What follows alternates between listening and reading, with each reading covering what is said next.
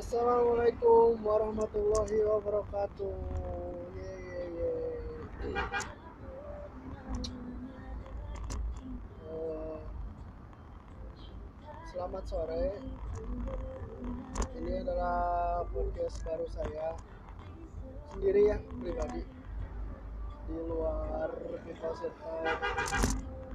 Jadi mungkin nggak akan jauh beda karena Dandi udah mulai sibuk sendiri. Saya juga mungkin sama. Jadi ya udahlah ini jadi bikin selingan aja. Tapi tetap sih nggak akan jauh beda. Pasti ngebahasnya lebih ke pribadi hal-hal soal hubungan mungkin atau motivasi hidup perjalanan hidup dan di sore yang lumayan cukup indah ini gue nggak sendirian nih. Jadi ada eh, siapa? Mungkin boleh diperkenalkan dengan siapa? Dengan siapa dulu atau pendengarnya. Assalamualaikum dengan pendengar eh, podcastnya Om Ido saya punya orang biasa cuman sekarang ini ikut serta di acara podcastnya Ido. Namanya Nama siapa saya bang? bisa dipanggil Ian. Nama lengkapnya? Nama lengkapnya Supian Sauri nah kalau bang Ian nih eh, kesibukannya kesehariannya apa aja nih bang? Kebetulan sekarang mah bantu-bantu di rumah sakit di bagian obatnya berarti di bagian farmasi ya bang ya ya apoteker mungkin lebih tepatnya oh ya Ya. Jadi eh, Bang Ian ini eh, tinggal di mana Bang? Kalau boleh tahu. tinggalnya di Cibadak Cibadak eh, Sukabumi ya Bang. Sukabumi Mas. Ah, terus statusnya gimana Bang? Sudah punya anak.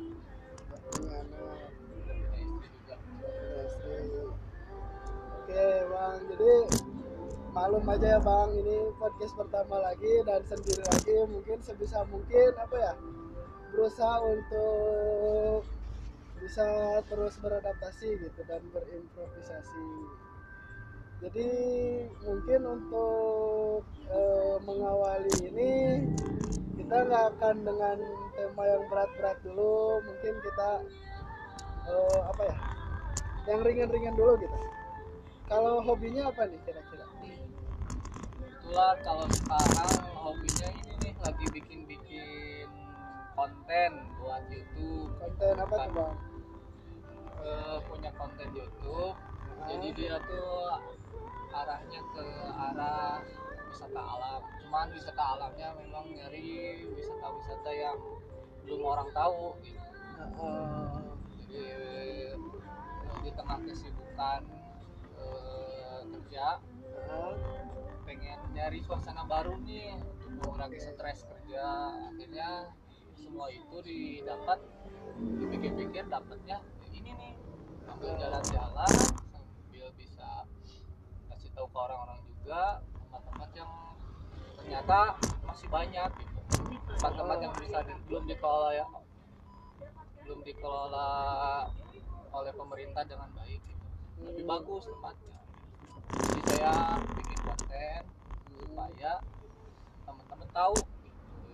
terutama yang nonton channel YouTube saya Eh, apa tuh bang nama channel YouTube-nya bang? Boleh diceritakan mungkin? Nama channelnya Tilu Dulu TV ya. Dulu dulu TV. jadi Tilu Dulu TV ini baru sebulan kan terus semua baru sebulan. Masih istilahnya mah nyari-nyari penonton ya nyari-nyari viewer nyari-nyari subscriber dan tapi selain itu sih kita yang lebih utamanya kita tadi saya sendiri pengen mengurangi eh, tingkat stres kerja dan cari celah ternyata rata-rata ya kalau tak alam itu pelarian sebenarnya. Iya sih emang bener sih. Emang kalau lagi jenuh, hektik gitu dengan kesibukan sehari-hari emang alam tuh cocok banget sih. Ini eh, kalau boleh kita tahu nih bang namanya kenapa tilu dulur gitu? Dulu dulu itu sebenarnya yang memprakarsai saya, Mm, saya mengajak teman saya pamanan, mm. oh pamanan juga ya pamanan. Cuman Hmm. rata-rata gitu, anak saya dan anak pamanan itu sama-sama eh, mempunyai anak tiga gitu. Oh. iya iya iya benar benar tiga gitu. Oh, oh, oh. Jadi kita sih terinspirasinya sama anak-anak kita gitu. oh pas- makanya tercipta tilu dulur itu benar benar Ah. keren sih keren cuman nyambung nyambung ini sekarang kan konten YouTube eh Tilu Dulur ini udah ada bintang tamunya Om Ido nih udah Ah. dua konten nih oh iya benar benar jadi itu keren gitu Ah, ya, ya. tiga dulur nih Dulur. jadi bisa saya Om Ido dan Pamanan Oh, karena iya. kebetulan intinya mah kita kan dalam sebuah konten lah. itu nyambung ya nyaman gitu sebenarnya kita ada koneksi ah koneksi gitu jadi waduh bisa dibilang mungkin saya juga ikut lah berpartisipasi gitu ya bang ya iya Eh, cuman memang baru mungkin karena saya Emang sama-sama baru sih, baru kita baru 9 konten, yang dua Ah. konten udah ada Dom Om Ido, baru sebulan kan. Oh. tuh nih pendengar eh, jadi saya mencoba untuk merapat ke timur ini doakan aja ya biar Ah. ini ya, biar intinya mah niat kita teman-teman dapat manfaat ya Nah, dengan itu. adanya konten ini. bisa terhibur gitu kalian gitu dengan adanya konten ini tuh. Ini mah yang suka-suka hiking atau suka-suka trekking gitu ya. nah benar benar Dari tempat buat camping, nah itu buat bisa banget tuh ademin otak ya. iya benar pokoknya ini ya eh, buat kalian tonton channel YouTube-nya Tilu Dulur klik aja di YouTube bisa pencarian dengan kata kuncinya Tilu Dulur TV ya kalian tonton videonya satu persatu kalau bisa Udah ada 9 konten nih. udah, udah ada sembilan tuh Semua di Kabupaten Sukabumi. Ah, baru-baru di Sukabumi ya, ya. soalnya memang kita berusaha karena sebagai orang lokal anak da- daerah ya lokal daerah kita harus harus mempromosikan dulu daerah kita sendiri. Hmm, bener bener jangan banget dulu ke daerah lain. Ah. Jadi kita juga banyak kok air terjun yang belum orang lain tahu gitu ya. Pemandangan-pemandangan dataran tinggi kayak di bukit terus gunung-gunung juga masih banyak. Iya iya iya bener banget tuh ah pokoknya buat kalian juga ya tonton lah tonton aja dulu gitu. Kalian eh, coba gitu untuk inilah untuk siapa tahu gitu kalian bisa terhibur gitu. Ya kalau bisa eh, boleh sih like nya minggu gitu kan. Biar kita tambah semangat lagi ya ya. Iya, bikin kontennya gitu. Jadi lebih interaktif lebih Ah gitu bener. Jangan jangan diem aja. Komen boleh apa aja bebas. Terserah mau request boleh. Maran juga. Kritik sama saran boleh. Mau request. Atau mau ikut barangkali ya. Iya mau ikut boleh banget ditunggu. Kita seneng banget sih kalau join gitu kan. Nyari-nyari hal yang positif hmm, gitu. bener bener pokoknya bisa banget tuh kalian ikut gitu share juga ke teman-teman yang lain. Terus yang paling penting ya subscribe lah. Iya, Subrek lah kalau kata- kalau kata yang lagi gawe sekarang mah pokoknya subrek subrek aja channelnya. Dan tonton tontonnya juga jangan sebentar kalau bisa mah harus sampai beres. Biar tahu alur ceritanya ya ya gitu. dari biar ada kesalahpahaman gitu terus eh, diaktifin juga tombol loncengnya supaya nanti tuh pas eh, ada video baru tuh ada notifnya gitu ke kalian tuh. Gitu ya mudah-mudahan aja gitu. Ah ini mah gimana ya? Seolah-olah kita lagi berkarya aja dalam sama-sama berkarya dalam ruang lingkup yang positif kan daripada nggak jelas gitu apalagi gabut diem aja kan nggak manfaat gitu ya cari-cari kesibukan lah gitu ya ya ayah. cari intinya mah itu cari-cari wa- eh, kita waktu untuk istilahnya mah men- menyampingkan dari hal-hal negatif. Nah Ya, itu menjauhkan diri dari hal-hal seperti itulah banyak kegiatan Nah, banyak pikiran insya Allah sih kita lari ke hal yang positif yang memang sumber kita pemikiran negatif itu yang ada kegiatan nggak ada eh, kerjaan ya artinya berpikir ke arah negatif mm, mm. ini juga kan eh, apa namanya berarti udah sebulan ya dari November Iya, November kita pas banget tanggal tiga waktu itu bikin konten itu tanggal berapa? 2, tanggal 2 Tanggal November. Di, pertama tuh kita di kampung kita sendiri di, Hmm. sana di Gunung Walat, hutan Gunung Walat. pendidikan Gunung Walat. Hutan pendidikan daerah Cibadak ya Daerah itu ya, ya. Cibadak, cuman masuknya dia memang dua kecamatan, dia Hmm. satu bagian masuk daerah Cibadak, satu lagi masuk daerah Cicantayan. Mm. Nah buat kalian barangkali gitu ada yang minat kan untuk keluar outdoor misalkan nih belum ada tujuan gitu nah eh, tiba-tiba misalkan udah nonton video ini tiba-tiba kepikiran mau ke mana gitu ya ayah Gunung Walat misalkan kan untuk yang dekat-dekat Ya, siapa tahu lagi main tuh ke arah Cibadak. Di sana Hmm. sebenarnya ada tuh hutan pendidikan Gunung Walat, satu lagi ada Batu Jajar. Batu Masih ada di kawasan hutan pendidikan Gunung Walat. kalau batu jajar itu kayak gimana tuh? Jadi di situ ada bongkahan batu Hmm. yang ada di eh, tebingnya di Walat. nah Bentuknya menjajar gitu. Ah, oh, Jadi disebut batu jajar. Nah, gak kebayangan kalian. Nah, makanya daripada bayang gak bayang-bayang gak jelas, nonton videonya ya. ya. Hmm, nonton di sana. di channel Tilur TV. itu juga dulu pernah dibuat istilahnya tempatnya dirapihkan dikelola Hmm. cuman mungkin ya sekarang kan ada covid ya ada Hmm. yang lain pengelolanya mungkin ya istilahnya mah kekurangan dana Hmm, tapi kalau ke sana lagi udah enak sih jalannya udah mungkin itu eh, kurang dukungan pemerintah apa gimana tuh? As? pasti sih itu masih istilahnya mah warga sekitar ya yang memanfaatkan Nah, buat pemerintah juga yang barangkali gitu ada ada yang dari pemerintahan dengar gitu. Nah tujuan kita buat channel tuh gitu sih mengenalkan juga bukan hanya eh, ke masyarakat di sana juga ke stakeholder. Ya Ah. stakeholder di sini ada dinas pariwisata Nah, itu ya benar. pemerintahannya mudah-mudahan. Siapa tuh ada yang wisata potensial di Hmm. Kabupaten Sukabumi. Kita ada tempat wisata potensial dan sekiranya bisa menjadi sumber wisata baru kan menjadi sumber pencaharian juga untuk warga sekitar ya. Tapi satu Apa jangan jangan setelah terkenal ke wisatanya kita nggak di- dijaga keasliannya Ah, ya. Pokoknya kalau ke pendaki bilang mah eh, jangan ada yang tinggalkan kecuali satu katanya katanya. Katanya, ya Apa tuh ah katanya? rindu Rindu. Jadi cukup rindu aja ya yang ditinggalin di sana gitu. Jangan sampah mah jangan apalagi aduh gimana ya udah mah ya kalau yang belum ini mah garung gitu hek.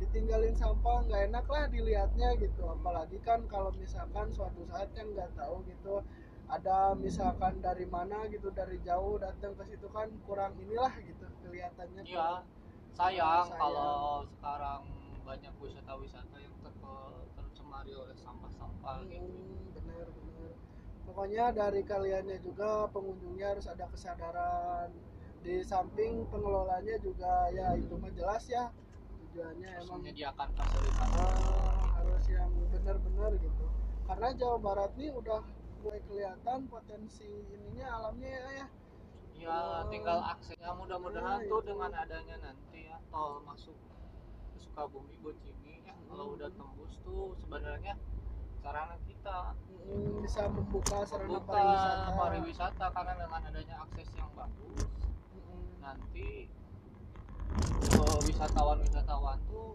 bakal datang lagi lebih banyak iya bagi kita itu menjadi suatu kesempatan ya untuk warga lokal yang punya potensi wisata juga ya untuk pemerintahnya juga gitu. Nah, eh, ayo gitu sama-sama bareng dari kita dari pengelola dari ini pemerintah. Om Ido kalau ada juga yang ngasih rekomendasi tempat nih Ah. punya tempat bagus nih Ah, ah, cuman ah. belum Belum ini terekspos gitu ya. terekspos, yuk Eh, boleh kontak-kontak Om Ido tuh nanti kasih Ah. tahu kita iya mau bisa banget goa mau curug Ah, ah. pokoknya destinasi alam gitu ya ayah Mm, nggak yang apa-apa yang ini yang belum Bagus. terlalu terjamah tapi layak nih gitu untuk Di- dikunjungi gitu siapa tahu bisa jadi referensi, referensi buat kita juga gitu Hmm, buat kalian juga kalau mau, ikut, ikut ayo, gitu gitu. ikut lebih jalan seru sih. lebih seru Lebih gitu.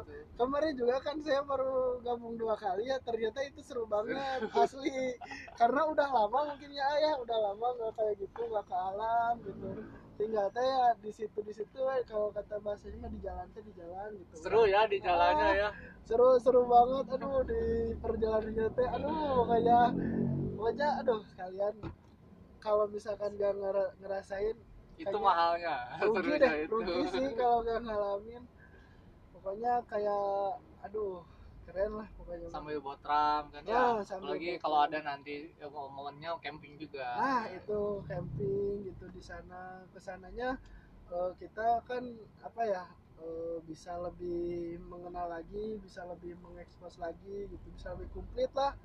Jadi eh, apa ya videonya makin bagus Hmm, gitu makin gitu lengkap dan namanya juga sama-sama belajar ya Nah itu benar karena memang baru mulai juga, Baru mulai juga. minta dukungannya, supportnya, doanya juga gitu. Ya yang kalian juga yang udah mulai, yang udah senior mungkin atau yang saling mau- berbagi Ah, share ilmunya bener-bener gitu ya sama-sama lah ya ayah. iya gitu Aduh. Banyak lah kalau berbicara tentang alam ininya manfaatnya gitu ya Nah, karena itu. memang naluri kita manusia dengan Mm-mm. alam yang nggak bakal terlepas jauh gitu Ah, ah, bener karena manusia dan alam itu tidak bisa dipisahkan. Iya. gitu kalau bisa ya kita jagalah sebaik mungkin gitu alam kita supaya nggak rusak tapi dengan pengalamannya sebulan ini ya jujur gitu sudah menyatu dengan alam itu ternyata ya lebih mengurangi pemikiran-pemikiran yang tadi itu negatif terus Nah, yang pemikiran- kurang penting lah ya ya. Iya gitu press lagi. Fresh lagi gitu. Jadi semakin mendekatkan kita gitu ya ke yang Tuhan Allah ah wa Ta'ala benar juga benar ya benar benar. Muhasabah lah ya Iya, kata ininya mah jadi lebih mengenal dengan Tuhan gitu. Jadi saya juga kemarin ada pengalaman tuh ah, kan adalah suatu kejadian gitu yang emang benar-benar kepikiran banget gitu nyampe. Nah saya juga back to nature akhirnya Iya, gitu akhirnya kembali ya, ke alam. tadi kan pelarian. Alam itu emang, emang eh bener bener emang bener. Daripada kalian pelarian ke cewek wah ya bener ya, ngajak teman ke Ah, alam. bener bener. Ajak dulu dulu TV ayo Ah. gabung. Pokoknya jangan sungkan gitu. Eh, sosmed kita terbuka terbuka gitu apalagi dulu TV ya. Istilahnya isinya orang-orang ya. Istilahnya mah bukan siapa-siapa Iya. tapi mau nerima eh, Ah. teman-teman yuk mau Bener, open banget gitu open ya. gitu apalagi aduh bapak mana tuh orangnya aduh kalau di deskripsiin aduh Lucu, lucu kocak. kocak gitu jadi orangnya teh baik pertama terus emang Oh, pamanannya ini kebetulan lagi ke ah, Jampang lagi ke guys. Jampang ya lagi biasa lah kalau misalkan gimana ya ya bilangnya ya mungkin ada acara gitu. Ada acara, Ah, gitu. lagi ada acara. Kayaknya kalau sama pamanan bakal seru sih ngobrolnya cuman ya Lebih kocak nah, nanti eh, episode part 2 dua. Ah, part kita lengkap. kebetulan saya di sini lebih ke kameramen. Sama produksi kali ya Editing. editing ah, ide ide konsep ya ya. Saya terus Jadi- akunnya juga. Cuman talentnya bareng sama Om Ido ini Oh iya, amin gitu. Mudah-mudahan makin lancar ke depannya jalannya, makin maju channelnya. Viewersnya tambah banyak, subscribernya tambah banyak.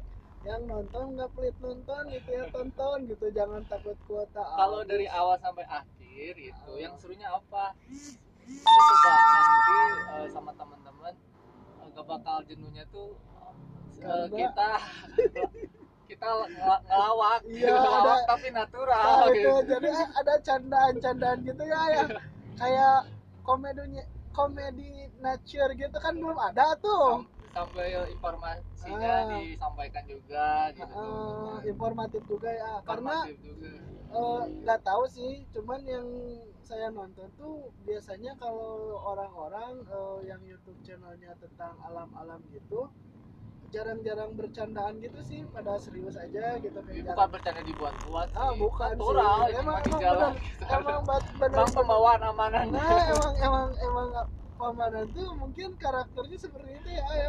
Karena backgroundnya dulu apa sih ya? Itu Calung. tukang gab- gabung grup calung. Calung ya ya. Kalau ca- yang nggak tahu calung calung itu kayak bodor Sunda gitu ya Bener ya. Sunda gitu. Hmm, pokoknya wah bakal seru sih kalau kalian lihat kalau kalian ikut juga apalagi aduh saya juga belum bisa move on ini tuh dari kemarin. Apalagi aduh yang masih mau nambah bikin konten lagi masih, lagi ya. Jadi ketagihan lah pada itunya pada yang serunya dengan bisnis saya kan saya apoteker ya. Ah benar. Itu tuh kita ngebakal lagi namanya ada ilmu tanaman obat gitu Nah, ya. nah pas ya. ke alam itu nemuin tuh semua Benar, gitu. jadi nyambung ya, nyambung ya. buat Benar. saya juga oh masih ada nih di sini masih Iya, ada di iya. daerah ini jadi selain buat saya pribadi Ah, ya gitu ah, ah, ah. ketika datang ke alam itu juga banyak tanaman-tanaman jadi tahu ada di daerah ini ternyata Ah, kalau suatu saat saya butuh nah nah itu benar-benar saya kayak oh, simplis ya gitu ya ya ya tanaman-tanaman Ah. yang ada eh, kita bisa dijadikan herbal ya gitu obat. obat nah. tanaman herbal bisa juga nanti kalau mobil jauh lagi jadi fitofarmaka ya Nah, iya benar. Nah, nanti bisa juga tuh ah ditambahin gitu kayak misalkan ketemu tanaman apa, kasih Nah, informasi kasih juga informasi bisa. ya itu Nilai nanti plus kita lah, nilai gitu. plusnya sama ini nih sama keamanan lagi atau. AA juga nggak apa-apa sih untuk mungkin rekan-rekan yang di kesehatan mungkin yang tonnya kan bisa apa ya bisa bisa menggayat gitu kali gitu. iya iya itu eh, masukan yang bagus. Eh, ya sementara ini kan hanya di Ah, dibuat saya sendiri dikonsumsi. Tapi saya kalau punya konten ini kita sebarluaskan informasi-informasi yang ada di lapangan lebih tambahannya lebih bagus. Ah, ah. ya buat kritik saran juga open sih di komen. Kita misalkan ah kurang ini ah misalkan harus ada ini misalkan. Boleh juga dikemukakan terbuka gitu. open. Atau ada yang dikurangin atau ada yang ditambahin kayak oh jangan terlalu gitu. Misal ya misal. Ya demi kemajuan kita bersama kan lebih baik gitu ke arah condongnya ya siapa tahu kan gitu eh, ini bisa dilihat oleh orang-orang yang dari luar lokal juga gitu ya dari Iya. luar Sukabumi gitu ya barangkali mereka setelah nonton ini berminat gitu untuk datang ke sini kan bisa jadi nilai plus juga tuh buat iya. kita gitu. Nah, sekalian memperkenalkan juga wisata-wisata apa aja yang ada di Sukabumi itu gitu selengkapnya gitu selengkap mungkin gitu. Karena kan yang kalau biasa-biasa dikunjungi itu kayak suku gunung ya suku gunung udah biasa kalau ya sekarang. udah pada tahu dan udah banyak yang bikin konten. Apalagi kalau Pelabuhan Ratu wah udah jadul. Terus kemarin Geopark sama udah inilah udah itu mah. Cuman kita ngegali lagi yang emang belum belum terlalu terjamah tuh Iya. sama wisatawan yang dari luar gitu yang dari luar Sukabumi nah, barangkali aja gitu mereka tertarik gitu buat pendengar ya maaf kalau agak sedikit bersih karena kita rekamnya di mobil ya ya ya sambil perjalanan perjalanan gitu kan. Lepas apa bete jenuh. Karena ini macet juga daerah ada tabrakan. Oh, tabrakan. ujung kokosan ini.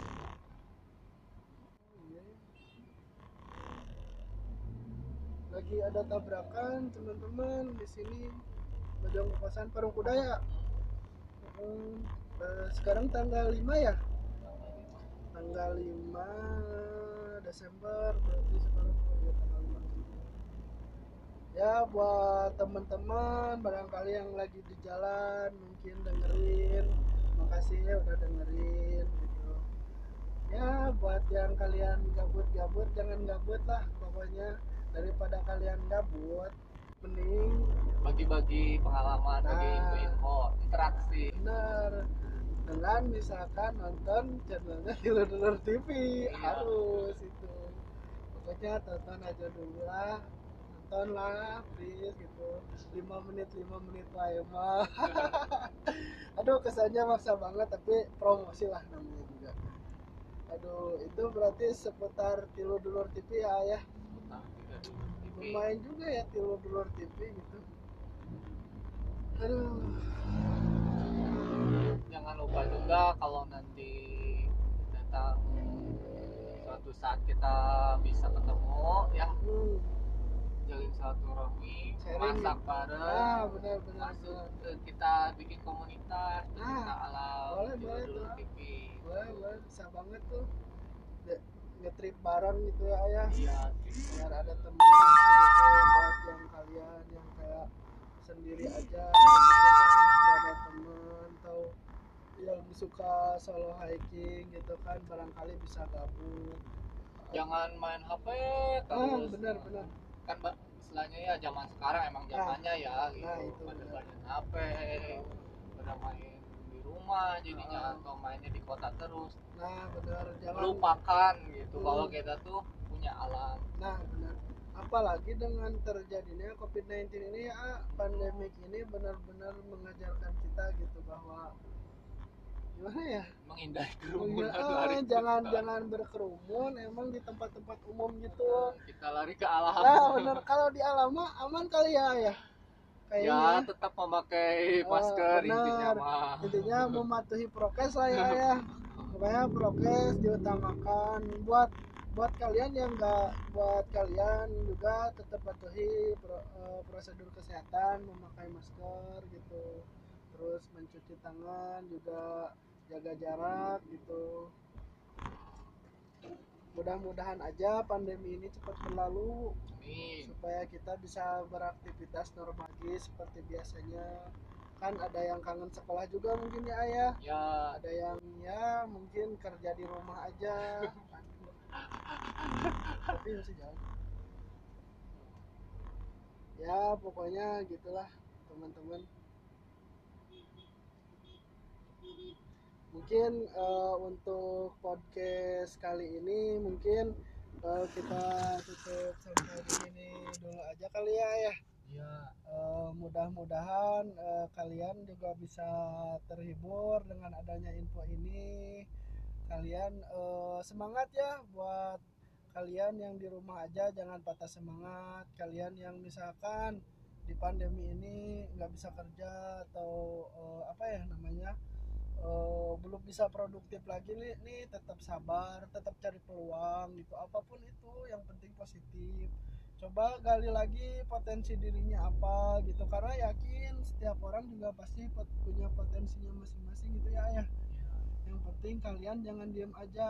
Apalagi misalkan eh, pokoknya mah jangan banyak tidur jangan banyak di rumah. Apalagi pagi itu aduh waktu produktif banget saya juga kemarin kayak gitu tapi nyesel. Pokoknya rubahlah. Kebiasaan itu nggak baik itu nggak bagus. Bareng-bareng aja gitu sama-sama. Apalagi kan kalau namanya kalau udah di umur segini kalau kita nggak berusaha kan nggak bakalan dapat apa-apa gitu. Jadi jatuhnya nyampah we gitu.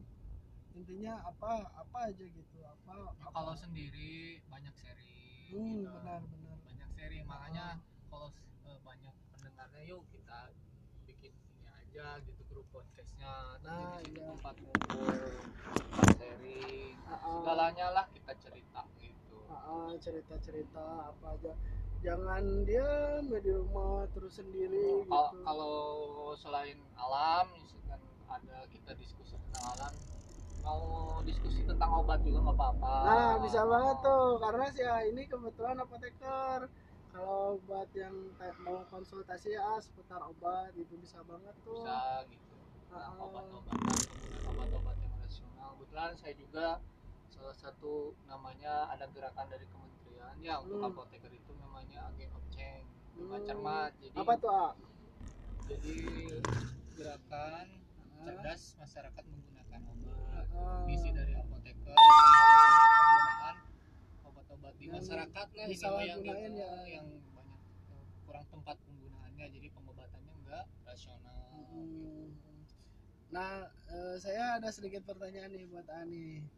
Eh, menurut AA gimana nih? Karena gimana ya? Ya bukan saya mau so tahu atau saya ini juga karena di zaman sekarang ini ya mungkin di lingkungan saya atau di lingkungan teman-teman ya jika memang ada gitu sering kan anak muda zaman sekarang itu suka ada yang namanya salah pergaulan gitu ya misalkan mengkonsumsi obat-obatan psikotropika gitu tanggapannya kira-kira kalau menurut A kayak gimana tuh A? yang pertama obat-obatan yang disalahgunakan tuh itu kan banyaknya dari golongan psikotropik ya Hmm. itu tuh obat-obatan yang mempunyai dampak efek jangka panjang ya Hmm. jadi kalau dikonsumsi dari sekarang itu nggak bisa nanti diberhentikan secara mendadak ya teman-teman jadi Jadi Yang pertama- bersifat ketagihan gitu kali ya, Iya. adiktif ya. adiktif. jadi teman-teman ya di sana Hmm. saya mohon kalau ada memang masalah jangan dilarikan ke arah, arah obat-obatan tersebut yang pertama dari arah fisiologis tubuhnya itu mempengaruhi banget. Yang kedua itu obat-obatan psikotropik ya. Itu merupakan obat-obatan yang harus dengan resep dokter ya. Hmm. kalau penggunaannya digunakan secara eh, tidak bertanggung jawab itu ada sanksi hukumnya mau pemakai apalagi pengedar ya gitu. Jadi kalau terendus sama pihak yang berwajib itu bisa ditangkap ya iya. ayah. Karena obat-obat psikotropik narkotik ini dilindungi ya ada aturan hukumnya terpisah gitu Nah, kita tuh, jangan merusak masa depan kita ya nah tuh teman-teman kalian dengarkan. banyak kan kemarin artis-artis walaupun Nah, menggunakan benar. dengan alasan pengobatan dia tetap gitu itu tuh itu tuh ada resepnya ada ada histori dari pengobatan dokternya apalagi ini yang enggak ada resep yang Hmm. di- digunakan istilahnya juga tanpa eh, tujuan yang sebenarnya gitu Hmm. karena banyak efek sampingnya kalau digunakan bukan pada tempatnya gitu pada Hmm. tujuannya Nggak bisa dikonsumsi sembarangan nggak ya. ayah? bisa dikonsumsi Oh, sembarangan Ini nih eh, kalau misalkan efeknya buat tubuh sendiri kalau dikonsumsi secara jangka panjang bakalan gimana tuh? A? psikotropik golongan-golongan psikotropik itu banyak mempengaruhi ketagihan. Nanti kalau sudah ketagihan itu tubuh tidak bisa eh, diberikan terapi pengobatannya secara berhenti. Ada tahapan-tahapannya ya. Eh, dari kayak mulai pengurangan dosisnya nanti bertahap lagi eh, dikurangi lagi dosisnya. Jadi nanti efek yang banyak dirasakan orang tuh dibilang sakau. Nah kalau udah sakau gitu kan susah. Itu Iya, iya. pengobatannya juga ada di lido ya teman-teman itu pusat rehabilitasinya Jadi harus rehab gitu ya ya. rehab gitu. Tapi tapi rehab itu bukan hal yang mudah untuk mengurangi ketergantungannya itu Hmm. adalah eh, proses yang sulit gitu. Hmm. belum rehabnya ya teman-teman. Terus dampak lain pasti ada perubahan ke eh, susunan saraf eh, di otak ya. Jadi Apa aja tuh A, eh, dampak-dampaknya dari penggunaan psikotropik yang cemas ya cemasan hmm, berlebih nanti dia emosi tidak stabil ya. Hmm, jadi sakit merasa sakit ketika tidak menggunakan obat itu ya. Oh, pantesan gitu ya suka ya kadang-kadang terjadi mungkin begitu ya di kalangan masyarakat apalagi yang muda zaman sekarang ya di di kalangan remaja gitu pelajar juga ya kadang-kadang tolonglah gitu ya eh, stop gitu penggunaan obat-obat psikotropika secara tidak bijak lah ya. Iya gitu. kecuali emang kalian emang benar-benar mempunyai peng- pengobatan yang memang harus dilakukan ya dengan Hmm. berdasarkan resep dokter ya. Hmm, karena obat-obat psikotropik ini sebenarnya efeknya tadi efeknya ada eh, pertama jangka panjang ya dan hmm, ketergantungan ya terus eh, bisa jadi tindakan kriminal juga ya ya iya tadi ada sanksi hukumnya Sanksi hukum. karena ini merupakan obat obat-obatan yang dilindungi oleh pemerintah ya Mm-mm. tuh kalian tuh awas loh hati-hati loh bukan hanya pengedar pemakai juga Tuh. sama gitu Oh. jadi jangan coba-cobalah kalian ya ya apalagi yang remaja baru tumbuh gitu kan kalian suka ini penasaran ya suka ada niat penasaran pengen nyoba hal-hal kayak gitu jangan gitu. Nggak boleh karena dari eh, tadi udah dijelasin sama Aiyan juga selaku apoteker yang lebih tahu kan tentang obat-obatan gitu. Kalian juga yang emang suka suka make tolonglah gitu untuk eh, ke depannya mah karena saya tahu itu pasti tidak mudah untuk hmm, benar. Kalau memang sudah merasa sekarang eh, susah jangan malu. Sekarang banyak kok ini pusat rehabilitasi memang sebelum ke Lido ya ada istilahnya mah dokter-dokter eh, kejiwaan ya.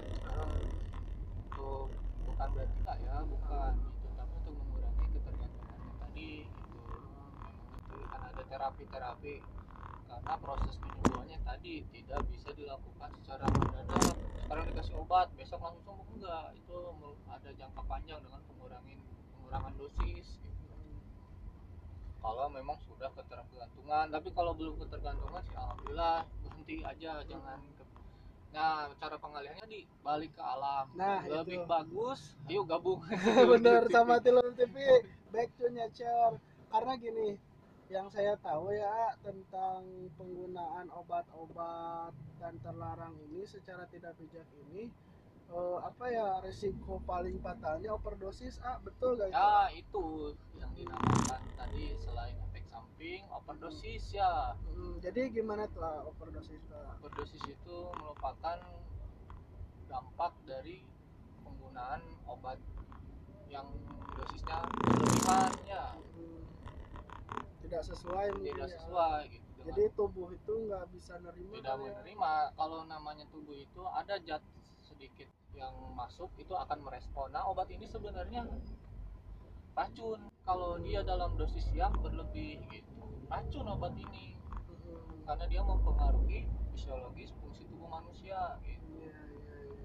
jadi jangan mengira obat ini merupakan suatu yang membuat kesembuhan tapi ketika dosisnya itu dilakukan berlebihan jangankan obat obatan yang sifatnya obat golongan keras ya obat golongan bebas aja misalkan paracetamol ya itu dalam jumlah dosis berlebih bisa, Bisa membahayakan buat tubuh manusia. Makanya itu ada golongan-golongan obat nah, kenapa ada yang bisa dibeli bebas di toko obat? Nggak ada obat yang bisa dibeli di warung ya semua itu kalau berdasarkan aturan hukum obat bebas dan obat baru terbatas hanya bisa dibeli di toko obat yang berizin. Obat keras hanya boleh dibeli di apotek dengan resep dokter ya.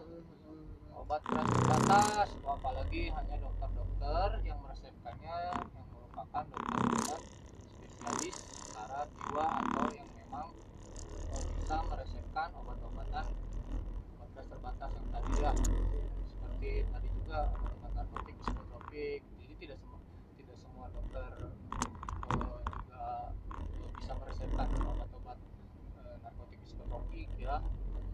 Jadi itu semua eh, hanya didapat di apotek Iya, ya, iya. dan satu catatannya dengan resep dokter. Kenapa sih semua ini?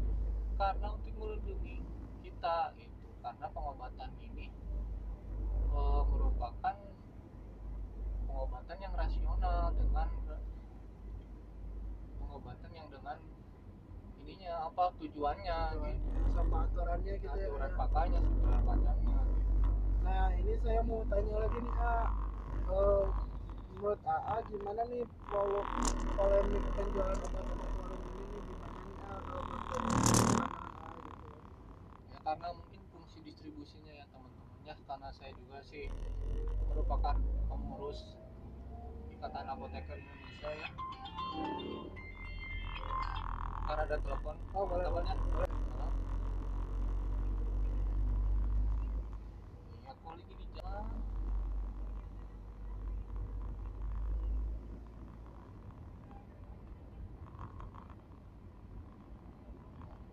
mungkin Di, di alternatif dulu ya. Nyuruh siapa iya si Muti lagi libur di apotek. Ntar ini di alternatif tuh nggak mau nyampe. Ini dipotong.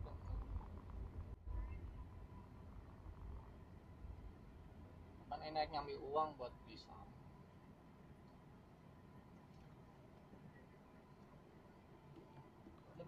non yang non dap non ketemu Indomaret itu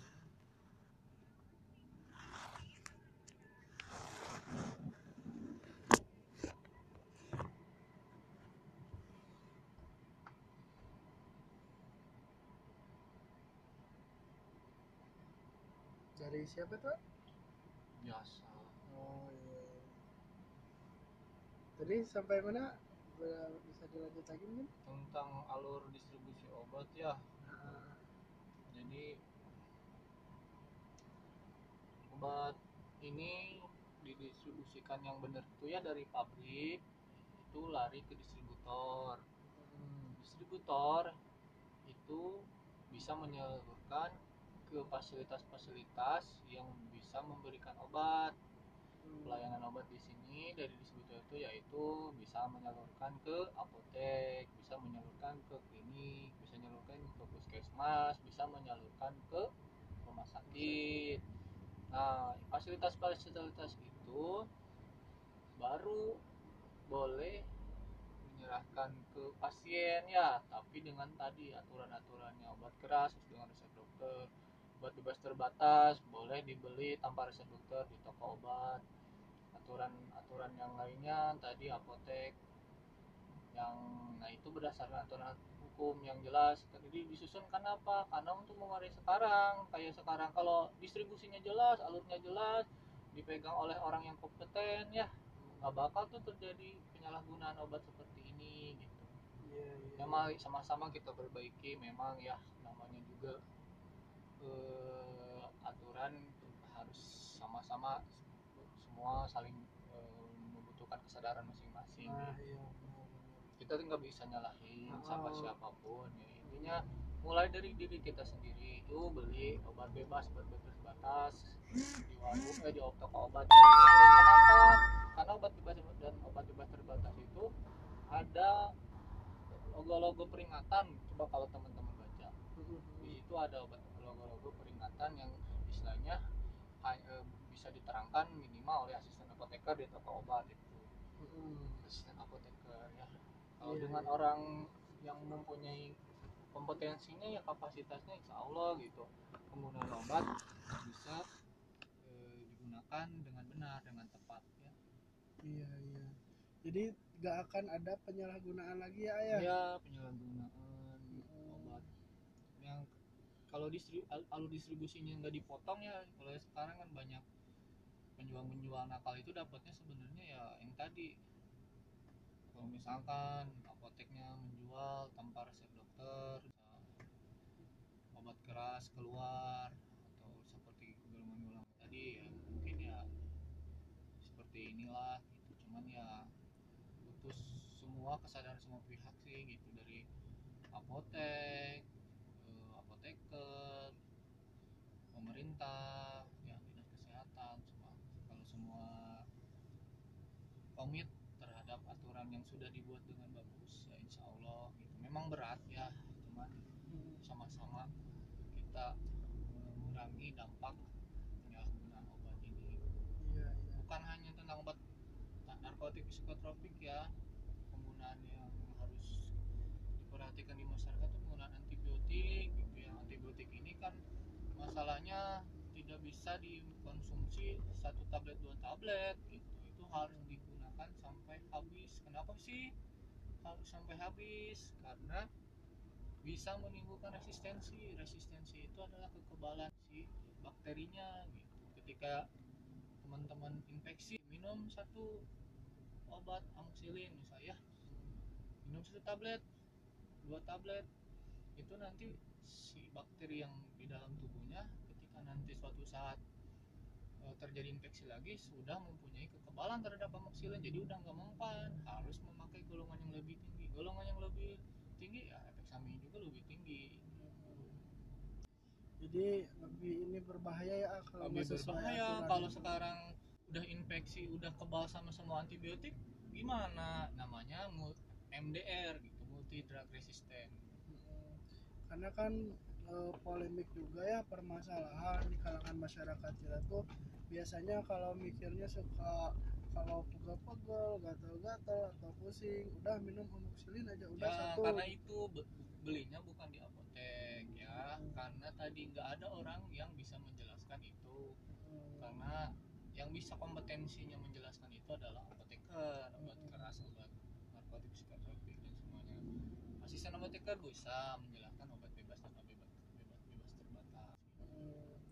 Nah, jadi himbauan juga ya buat kalian teman-teman gitu yang biasanya emang ya maaf maaf ya mungkin eh, suka kadang seperti itu. Nah, udah dikasih tahu sama orang yang tepat gitu sekarang mah bahwa kalau gitu sharing sharing ini bukan sharing ah ya kalau kayak gitu tuh berbahaya ya ke depannya nggak baik lah kurang baik gitu. Makanya kalau misalkan kalian ada sakit ada keluhan apa harus beli obatnya harus di tempat yang jelas gitu ya ayah harus di tempat yang yang emang tepat, yang ada memang orang-orang di situ kompetensinya tentang obat. Jadi eh, jadi kalau misalkan beli obat sembarangan mah ya nanti eh, efek sampingnya juga ke kalian juga kurang gitu kurang kurang bagus lah gitu. Ya soalnya banyak yang faktor yang mempengaruhi tentang khasiat obat ini dah ya. Mm, mulai dari tadi ya pemakaiannya cara aturan pakainya waktu minumnya gitu. Mm, dosisnya tempat penggunaannya ya. Terus itu juga nanti penyimpanannya ya. Nah itu benar-benar berbagai berbagai hal yang bisa mempengaruhi si kualitas obat ini sehingga men- menyebabkan khasiat yang baik buat tubuh gitu. Harus diperhatikan harus juga ya, ya. diperhatikan gitu. Obat itu tidak hanya meminum obat langsung eh, bisa berhasiat ya. Bisa berhasiat cuman mungkin kurang kurang potensi. Jadi ada obat itu di waktunya yang harus sebelum makan pas perut kosong gitu ya. Ada obat yang memang harus bersamaan makanan ya. Ada obat yang harus digunakan sesudah makanan sudah makan ya. Gitu. Obat-obat itu eh, banyak eh, hal-hal yang harus diperhatikan gitu. Ya. obat-obat dan juga juga penyimpanan ada obat yang harus disimpan di kulkas ya ada obat yang harus juga digunakan. Disimpannya bisa di dalam suhu kamar ya. berbeda-beda teman-teman gitu. Apalagi kalau kita udah berobat ke dokter gitu ya. Dikasih obat oleh apotek nanti penyimpanan di teman-teman juga itu harus benar. Karena Iya. percuma sekarang dikemas rapi di pabrik sampai baik. Kemasannya juga serapat sebagus sebagus mungkin. mungkin ternyata sudah di rumah penyimpanannya kurang ya, kurang tepat. ya. Jadi percuma juga ya ya? Iya pasti bakal mempengaruhi khasiat si obat itu. Apalagi kalau obat-obatan tadi ya suspensi kering misalnya antibiotik antibiotik itu harus langsung dibuang setelah dipakai setelah minum nggak boleh jadi nggak boleh disimpan lagi ya? Iya gitu Terus apalagi obat-obat yang sudah dibuka kemasannya ya itu harus diperhatikan jangan Iya. sampai dikonsumsi malah jadi bikin racun sama sakit waduh gitu. itu bakal beresiko juga ada beresiko juga gitu. Aduh mantap banget tuh infonya dari Kang Ian ya dari farmasi gitu dengan adanya eh, ini mudah-mudahan ya bisa bermanfaat ya ya buat teman-teman juga kalian kan apalagi tadi ada edukasi tentang obat-obatan tuh waduh pastinya berguna banget sih apalagi di musim penghujan sekarang kan cuaca gitu. Iya, Pancar kadang panas kan tiba-tiba hujan. Banyak juga kan yang flu yang pilek. Flu ini bukan berarti kita harus mengkonsumsi obat ya itu merupakan salah satu cara cuman lebih yang diutamakan lebih menjaga daya tahan tubuh gitu ya. Hmm, tadi pola makan dijaga hmm.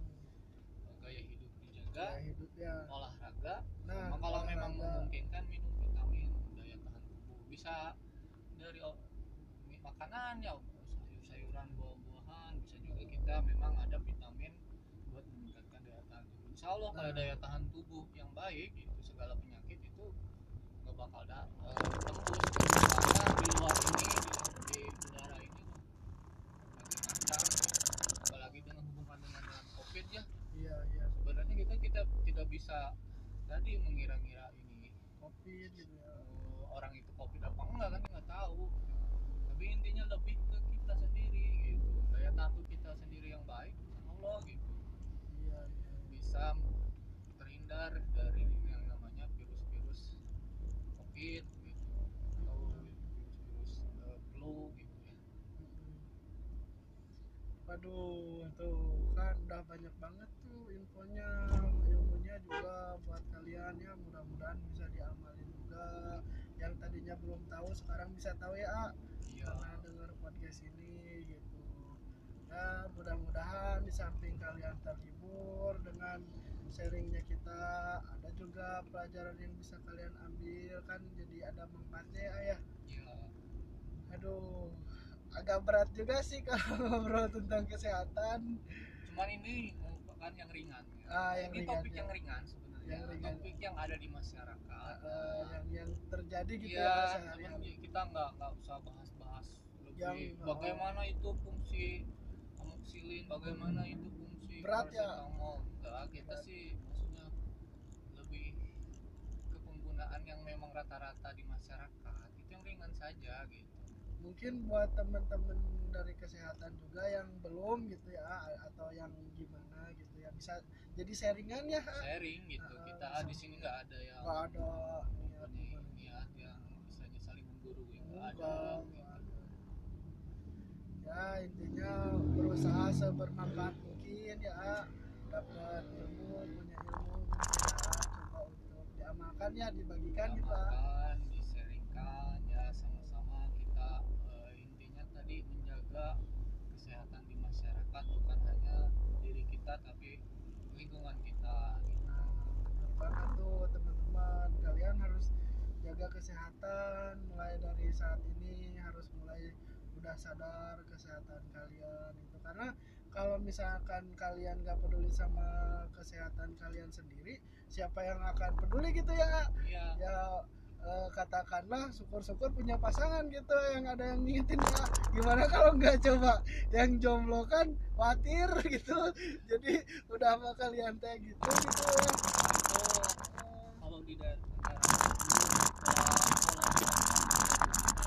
sekarang bukan ke pengobatan yang sifatnya kuratif ya berat itu penyembuhan jadi lebih ke preventif jadi lebih Pencegahan ya, ya. pencegahannya kan ada peribahasa juga ya lebih baik mencegah Iya. daripada mengobati Iya, gitu jadi karena kalau preventifnya bagus dan pencegahannya, insya Allah tuh penyakit-penyakit dan derajat kesehatan masyarakat terutama itu bakal bagus Nah, benar banget tuh teman-teman. Pokoknya sedia payung sebelum hujan, apalagi ini musim hujan. Jadi kalian eh, lebih baik mencegah gitu sebelum kalian sakit, lebih baik mencegah gitu penyakitnya supaya enggak ya ayah, ya supaya ente kata rajang penyakit lah kalau kata bahasa Sundanya mah gitu. Aduh nggak terasa juga, udah mau satu jam nih kita bincang-bincang kayak gini, ya. ha, sharing-sharing kayak gini nggak terasa memang ya. Mudah-mudahan aja gitu kalian juga sehat selalu gitu ya ayah.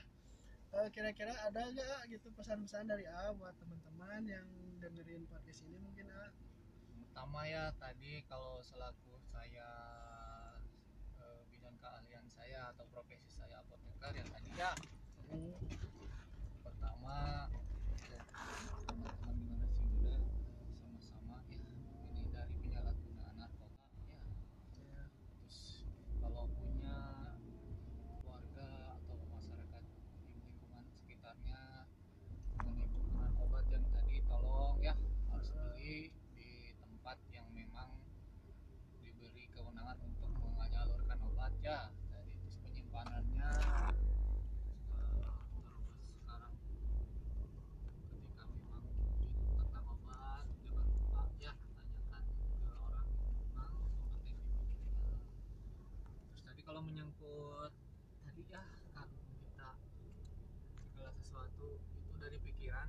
ya kalau daripada kita mengkonsumsi obat ya saya juga apoteker tapi saya juga jarang minum obat karena takut dosis eh, dan efek samping obat itu gimana ya Heeh. makanya saya lebih lari ke gimana supaya caranya otak ini tidak banyak pikiran karena tadi banyak eh, kesehatan badan itu berpengaruh dari kesehatan pikiran juga obat sakit lambung kalau dia stres insya Allah tuh gak bakal sembuh sembuh karena Oh. sumber yang bisa menimbulkan asam lambungnya itu dari pikiran Hmm, pantas aja kalau yang Jadi intinya kita gimana menjaga pemikiran itu pikiran itu supaya sehat. Nah kalau kita pikiran itu lagi nggak sehat, larinya ayo kita ke alam. Itu aja sih Oh. cuma pengalaman saya, pengalaman lagi juga mungkin ya. Tadi ayo kita sama-sama bertafakur ke alam. Gitu. ya back to nature ya ayah Nah, itu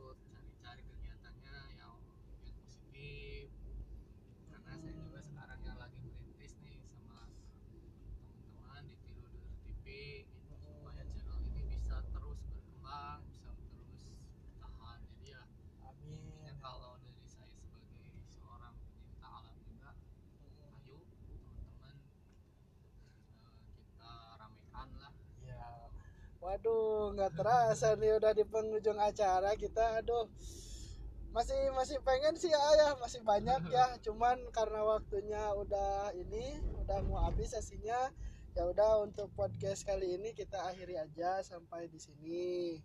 Eh, tapi sebelum kita mengakhiri podcast ini kita bakalan ada lagunya dari Padi Ribon ya. Ingat pesan ibu.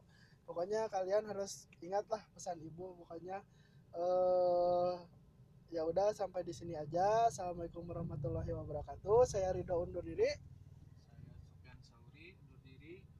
Padi Ribon ingat pesan ibu.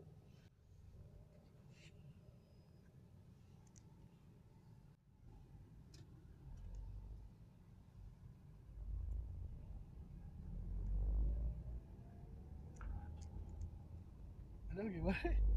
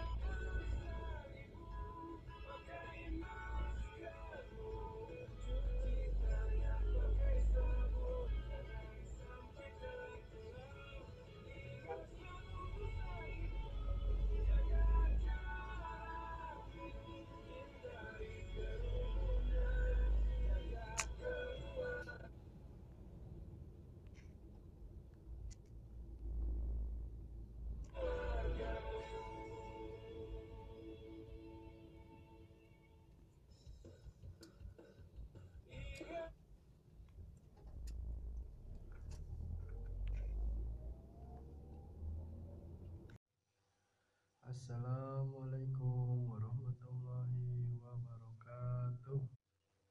Ladies and gentlemen,